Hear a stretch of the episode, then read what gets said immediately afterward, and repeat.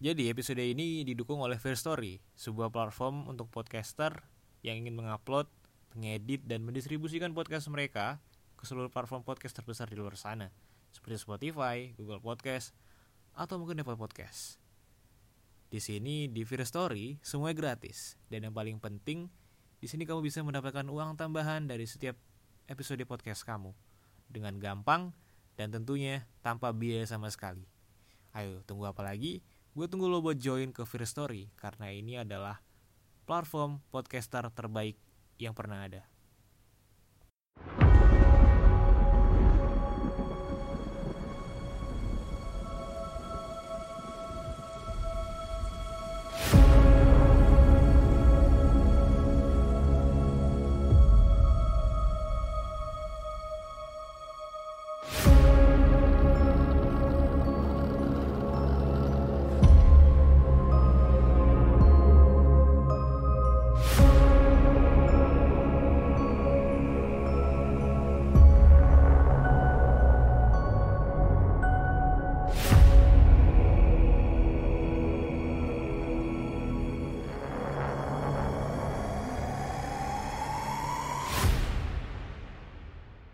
Halo semuanya. Selamat datang kembali di podcast dengerin horor. Bersama gue di sini Iksan yang bakal memandu kalian selama kurang lebih 15 sampai 20 menit ke depan. Dan episode ini bakal tayang pada hari Jumat. Ya, mungkin Jumat pagi. Bisa udah bisa kalian dengerin di seluruh platform podcast di Indonesia Taiwan juga Korea juga ada namanya Keybox dan kalau Indonesia itu lu bisa dengerin di Spotify, di Apple Podcast, di Google Podcast, di Noise juga ada. Lucu ya kemarin ya, gue tuh kayak ngecek di Noise kan. Gue kayak buka akun kreatornya kan. Terus gue ngecek komen-komenannya. gue ketawa dong. Kira ada yang komen gini. Um, yang baca kayak sesak napas gitu. Kan gitu deh. Terus ada ada juga yang komen tinggal cerita aja lama banget gitu ya. Gue pikir kayak ya juga ya. Kayak gue terlalu banyak intro gak sih? Tapi gimana ya? Menurut gue fine fine aja sih. Satu dua menit buat gue cerita ya tentang gue dulu mungkin baru mungkin jadi terus gue save ke cerita horornya.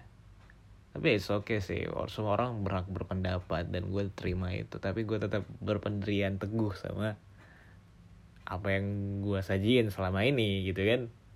So ya thank you buat temen-temen dan pendengar-pendengar baru ya. Karena nanjak terus nih chartnya nih dan followernya juga nanjak terus bro. Jadi gue mengucapkan selamat datang buat pendengar-pendengar baru dan followers-followers baru tentunya. Semoga betah di sini karena ya gue bakal upload upload gitu gue bakal update setiap minggunya ya. Doain supaya gue bisa upload terus setiap minggunya. Oke. Okay. Ya, kita lanjut. Tanpa basa-basi lagi ya. Hari ini kita bakal bacain apa, Bro? Kita bakal bacain cerita horor lagi tentunya. Dari mana? Dari Twitter pastinya. Oke. Okay? Nah, gue ini lagi lagi se lagi asik nih kayak menggali-gali cerita-cerita horor pada zaman dulu nggak dulu dulu banget sih kayak dua tahun ke belakang setahun ke belakang atau mungkin tiga tahun ke belakang ini gue dapat akun Twitter yang ngepost street horornya tahun 2021 bro. Gila. Dua tahun yang lalu bro. Oke, ini ditulis sama akun Twitter at Rezi Primiarsi. Halo Mbak Rezi Primarsi, Semoga dengerin ini. karena cerita lo gue bawain di podcast gue. Semoga teman-teman pada bisa menikmati cerita dari lo. Oke. Mbak Rezi ini nulis cerita horor yang berjudul Teror di Penginapan. Ya mungkin namanya kayak nama judulnya kayak reguler banget ya kayak teror di penginapan gitu kayak ya biasa aja gitu. tapi setiap orang tuh punya cerita cerita masing-masing bro. Kayak mungkin namanya teror di penginapan tapi di dalamnya ada bumbu-bumbu yang yang punya punya ciri khas gitu loh. Kayak Mbak Rezi doang yang ngalamin gitu. So kita bakal bacain full storynya pada malam ini di episode ini tentunya. Oke kita lanjut teror di penginapan Mungkin ada dari beberapa kalian yang mengharuskan bekerja keluar kota untuk beberapa hari dan terpaksa harus menginap di penginapan atau hotel di di kota yang kalian singgahi. Kadang ada beberapa cerita mistis yang terjadi, termasuk aku yang sering mengalami saat aku harus menginap di penginapan. Aku nggak pernah terbiasa untuk kejadian mistis di mana pun berada. Terus ini kejadian sekitar 2012 sampai 2013. Aku yang bekerja di event salah satu brand yang mengharuskan aku untuk menginap di hotel di salah satu kota yang aku singgahi di kala itu. Kotanya juga bukan kota besar, hanya kota kecil di salah satu kabupaten atau kota di Provinsi Riau. Penginapan kali ini lumayan besar untuk kota kecil ini. Punya halaman parkir yang luas, lobi yang besar dengan kursi tamu atau sofa yang tampak klasik namun mewah. Di gedung di gedung utama hotel ini ada dua lantai kamar tamu hotelnya yang tampaknya sedang proses pembangunan gedung baru di samping gedung utama. Waktu itu aku dan teman-teman kru event lainnya semua dapat kamar yang berada di gedung utama mungkin sekitar 6 sampai 7 kamar yang diisi oleh kru event waktu itu. Ada yang di lantai dasar, ada yang di lantai 2. Terus tangga menuju lantai 2 itu berada di tengah-tengah lobi. Tidak ada lift, hanya ada tangga utama itu. Tangga yang terlihat besar seperti rumah mewah yang ada di FTV. Mungkin kalian sering lihat penampakan rumah mewah yang sering ada di sinetron. Nah, kira-kira seperti itu.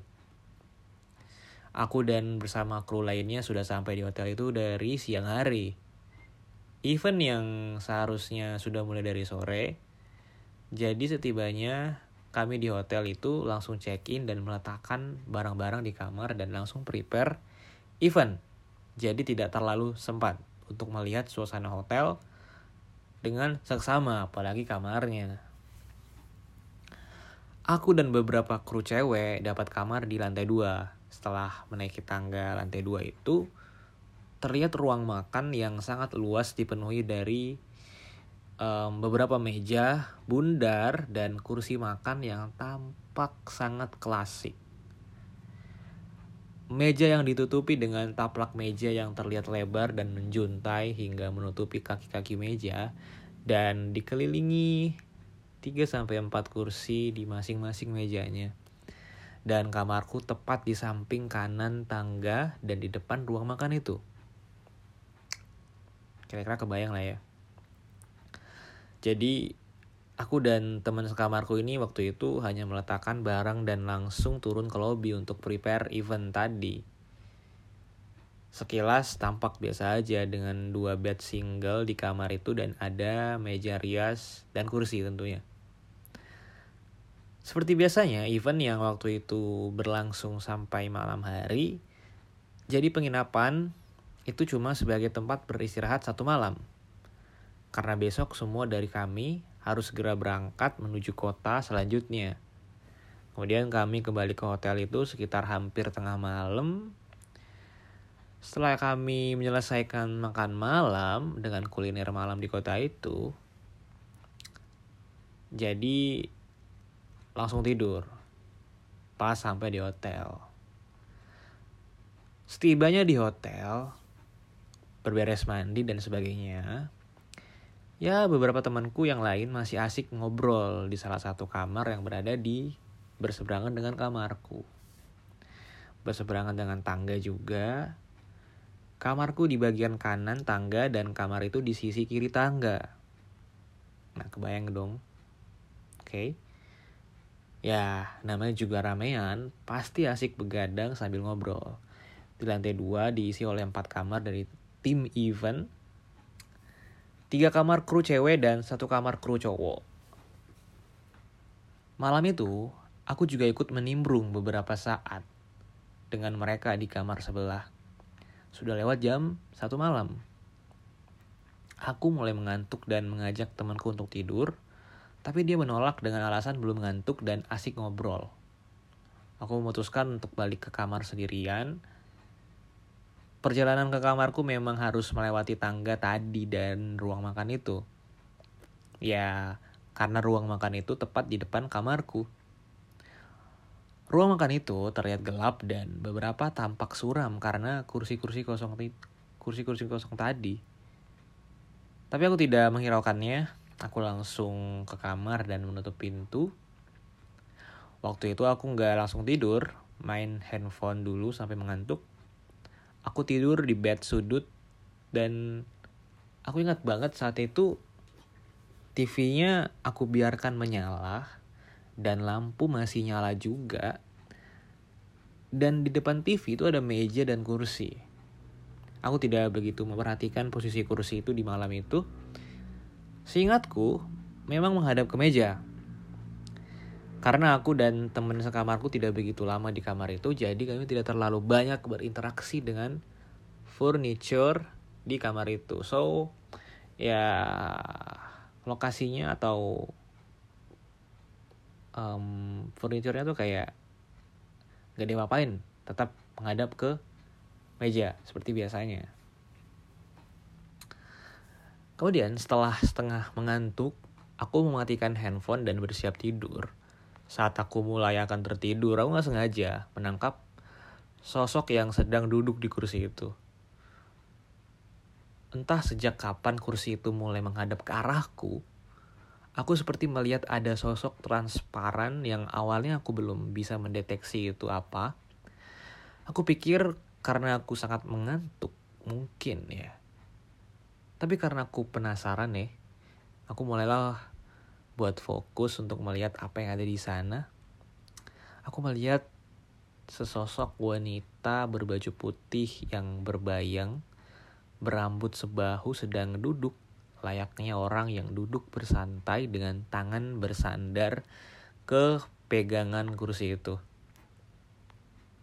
Dan aku merasakan dia melihat ke arahku tapi aku tidak bisa melihat ke matanya. Mukanya tampak putih seperti kertas yang tanpa mata mulut dan hidung.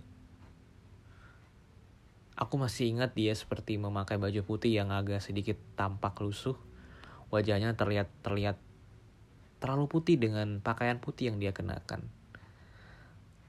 Tersentak aku langsung kaget, aku pejamkan mata saat aku membuka kembali mataku. Sosok itu masih terlihat jelas di sana menghadap ke arahku.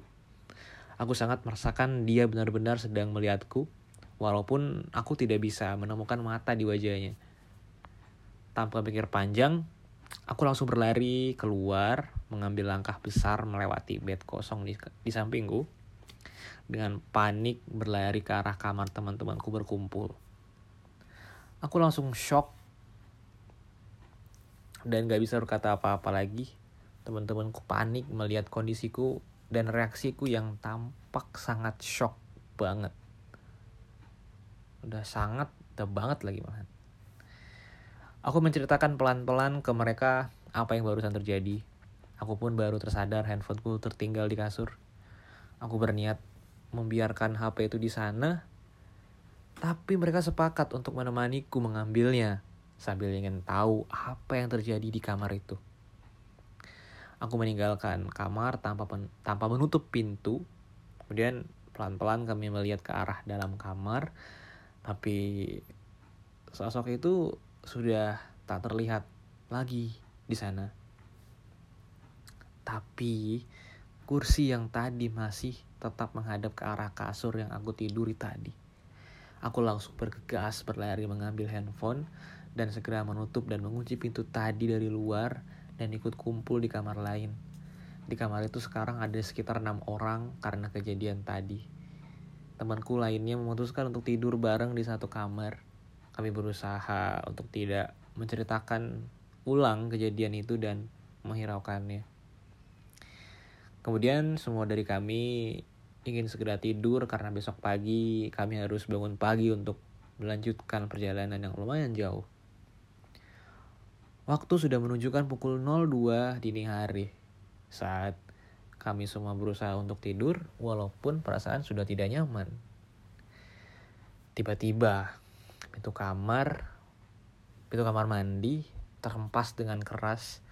Sontak kami semua kaget Padahal semuanya sedang berada di kamar, tidak ada yang di kamar mandi. Belum sempat kami menalar apa yang sedang terjadi di, di, di situ. Pintu kamar mandi kembali terhempas untuk kedua kalinya. Langsung kami yang berlari keluar menuju kamar kru yang lain yang sama di lantai dua itu. Kami lari terbirit-birit keluar kamar. Kebetulan Kamar ini diisi dengan dua orang kru cowok. Ada beberapa temanku yang saking kagetnya berlari keluar tanpa menggunakan sendal. Kru cowok ini sadar kalau kami sedang ketakutan. Mereka membiarkan kami masuk dan bertanya apa yang sedang terjadi. Salah satu cowok itu menawarkan diri untuk ke kamar kami membantu mengunci pintu kamar yang kami tinggal begitu saja. Ya, karena kan barang kami di sana jadi harus tetap dikunci dong pintunya mereka mereka berdua membiarkan kami tenang di kamar dan penasaran juga apa yang sedang terjadi. Alhasil kami semua berlapan di kamar yang ya jadi sempit itu. Kami berlapan di kamar itu jadi sempit banget. Kami semua tidak bisa tidur karena kejadian yang barusan terjadi. Antara masih takut dan atau mungkin karena emang kamar tidak bisa untuk tidur ya karena terlalu rame gitu. Karena apa? Karena tadi ada dua kejadian pertama ada wanita dengan rambut sebahu terus mukanya putih bajunya putih dan kedua pintu kamar mandi yang terhempas tiba-tiba. Gara-gara itu semuanya tidur di satu kamar yang sama 8 orang isinya. Hanya kejadian kecil kata kata setannya oke kemudian um, dan syukurnya setelah beramai-ramai itu kami tidak mengalami teror lagi sampai pagi ada yang tidur duduk ada yang nyelip ada yang ya mengambil tempat sempit buat tidur. Tapi intinya kami tidak bisa tidur atau tidur-tidur ayam lah namanya ya di malam itu. Ketika sudah pagi mau tidur mau tidak mau kami kembali ke kamar masing-masing untuk mandi dan persiapan kerja. Karena sudah pagi, kesan horor sudah tidak ada lagi. Tapi ada yang aneh di pagi itu. Dua orang temanku yang dari kamar sebelah datang ke kamar menanyakan sendal dan mencari sendal di kamarku. Aku pun nanya, kenapa? Terus dua orang temanku tadi ini bilang, mereka tidak menemukan sendal mereka dari tadi. Udah dicari keseluruhan keseluruhan kamar, tapi nggak ketemu juga. Aku berpikir karena kejadian semalam sendal jadi tercecer ke mana-mana karena mereka berlari tanpa sendal keluar kamar. Kami pun bingung ke mana sendal ini pergi. Jadi semua kami, semua dari kami mulai mencari sendal mereka ini. Dan ada temanku yang mulai merasa aneh dengan meja makan yang ada di ruang makan itu. Mulailah kami juga mencari di sekitar ruang makan itu. Mungkin ada di sekitar 5 sampai 6 meja makan dengan 4 kursi di setiap meja itu. Dan kami kan mulai mencari tuh di sekitar ruang makan itu. Kemudian kemudian salah satu teman aku di sudut ruangan itu kayak setengah berteriak. Ini nih sendalnya. Kami langsung menghampirinya dan ternyata sendal mereka yang hilang tersusun rapi di bawah meja yang tertutup dengan taplak meja yang menjuntai ke bawah kolong itu. Temanku sampai harus menyibakkan taplak meja itu untuk menemukannya. Terlihat di sana ada tiga pasang sandal yang tersusun rapi berjajar di kaki meja itu. Kami semua heran dengan informasi itu. Bagaimana mungkin sendal itu bisa tersusun rapi di sana? Dan kerjaan siapa coba? Di lantai dua itu cuma kami dari event yang ada di hari itu. Dua di antaranya sendal milik temanku, yang satu lagi kami juga tidak tahu milik siapa. Temanku berlang temanku langsung cepat mengambilnya berlari ke bawah sambil bertelanjang kaki untuk lari pokoknya. Semua kami akhirnya check out dari hotel itu. Temanku yang merasa dikerjain karena tragedi sendal komplain ke resepsionis hotel. Si mbak resepsionisnya cuma terdiam sambil lihat-lihatan dengan sesama rekannya. Pihak hotel juga cuma bisa minta maaf apa yang sudah terjadi kepada kami. Akhirnya kami pergi meninggalkan hotel itu. Aku pribadi sejak kejadian itu gak pernah mau menginap di sana lagi walaupun ada beberapa kali berkunjung ke kota itu lagi. Tapi sampai kemarin sebelum pandemi COVID ini kalau ada event di sana, ya emang itu satu-satunya tempat yang masih worth it untuk disinggahi dibanding hotel yang lainnya. Oke. Okay. So, that's all. Cerita untuk episode ini uh, dari Mbak Rezi Primarsi buat teman-teman yang udah mendengarkan sampai habis terima kasih banyak kalau kalian mendukung podcast gue podcast dengerin horor make sure buat tinggalkan tombol follow-nya. I mean tinggalkan jejak kalian dengan cara memfollow podcast gue. Dan share ke teman-teman kalian ya. Kalau perlu share ke bapak kalian ke mama kalian ke teman SD kalian atau mungkin ke security kantor kalian. Eh oke. Okay. gue Iksan gue pamit undur diri. Sampai jumpa lagi di episode berikutnya bye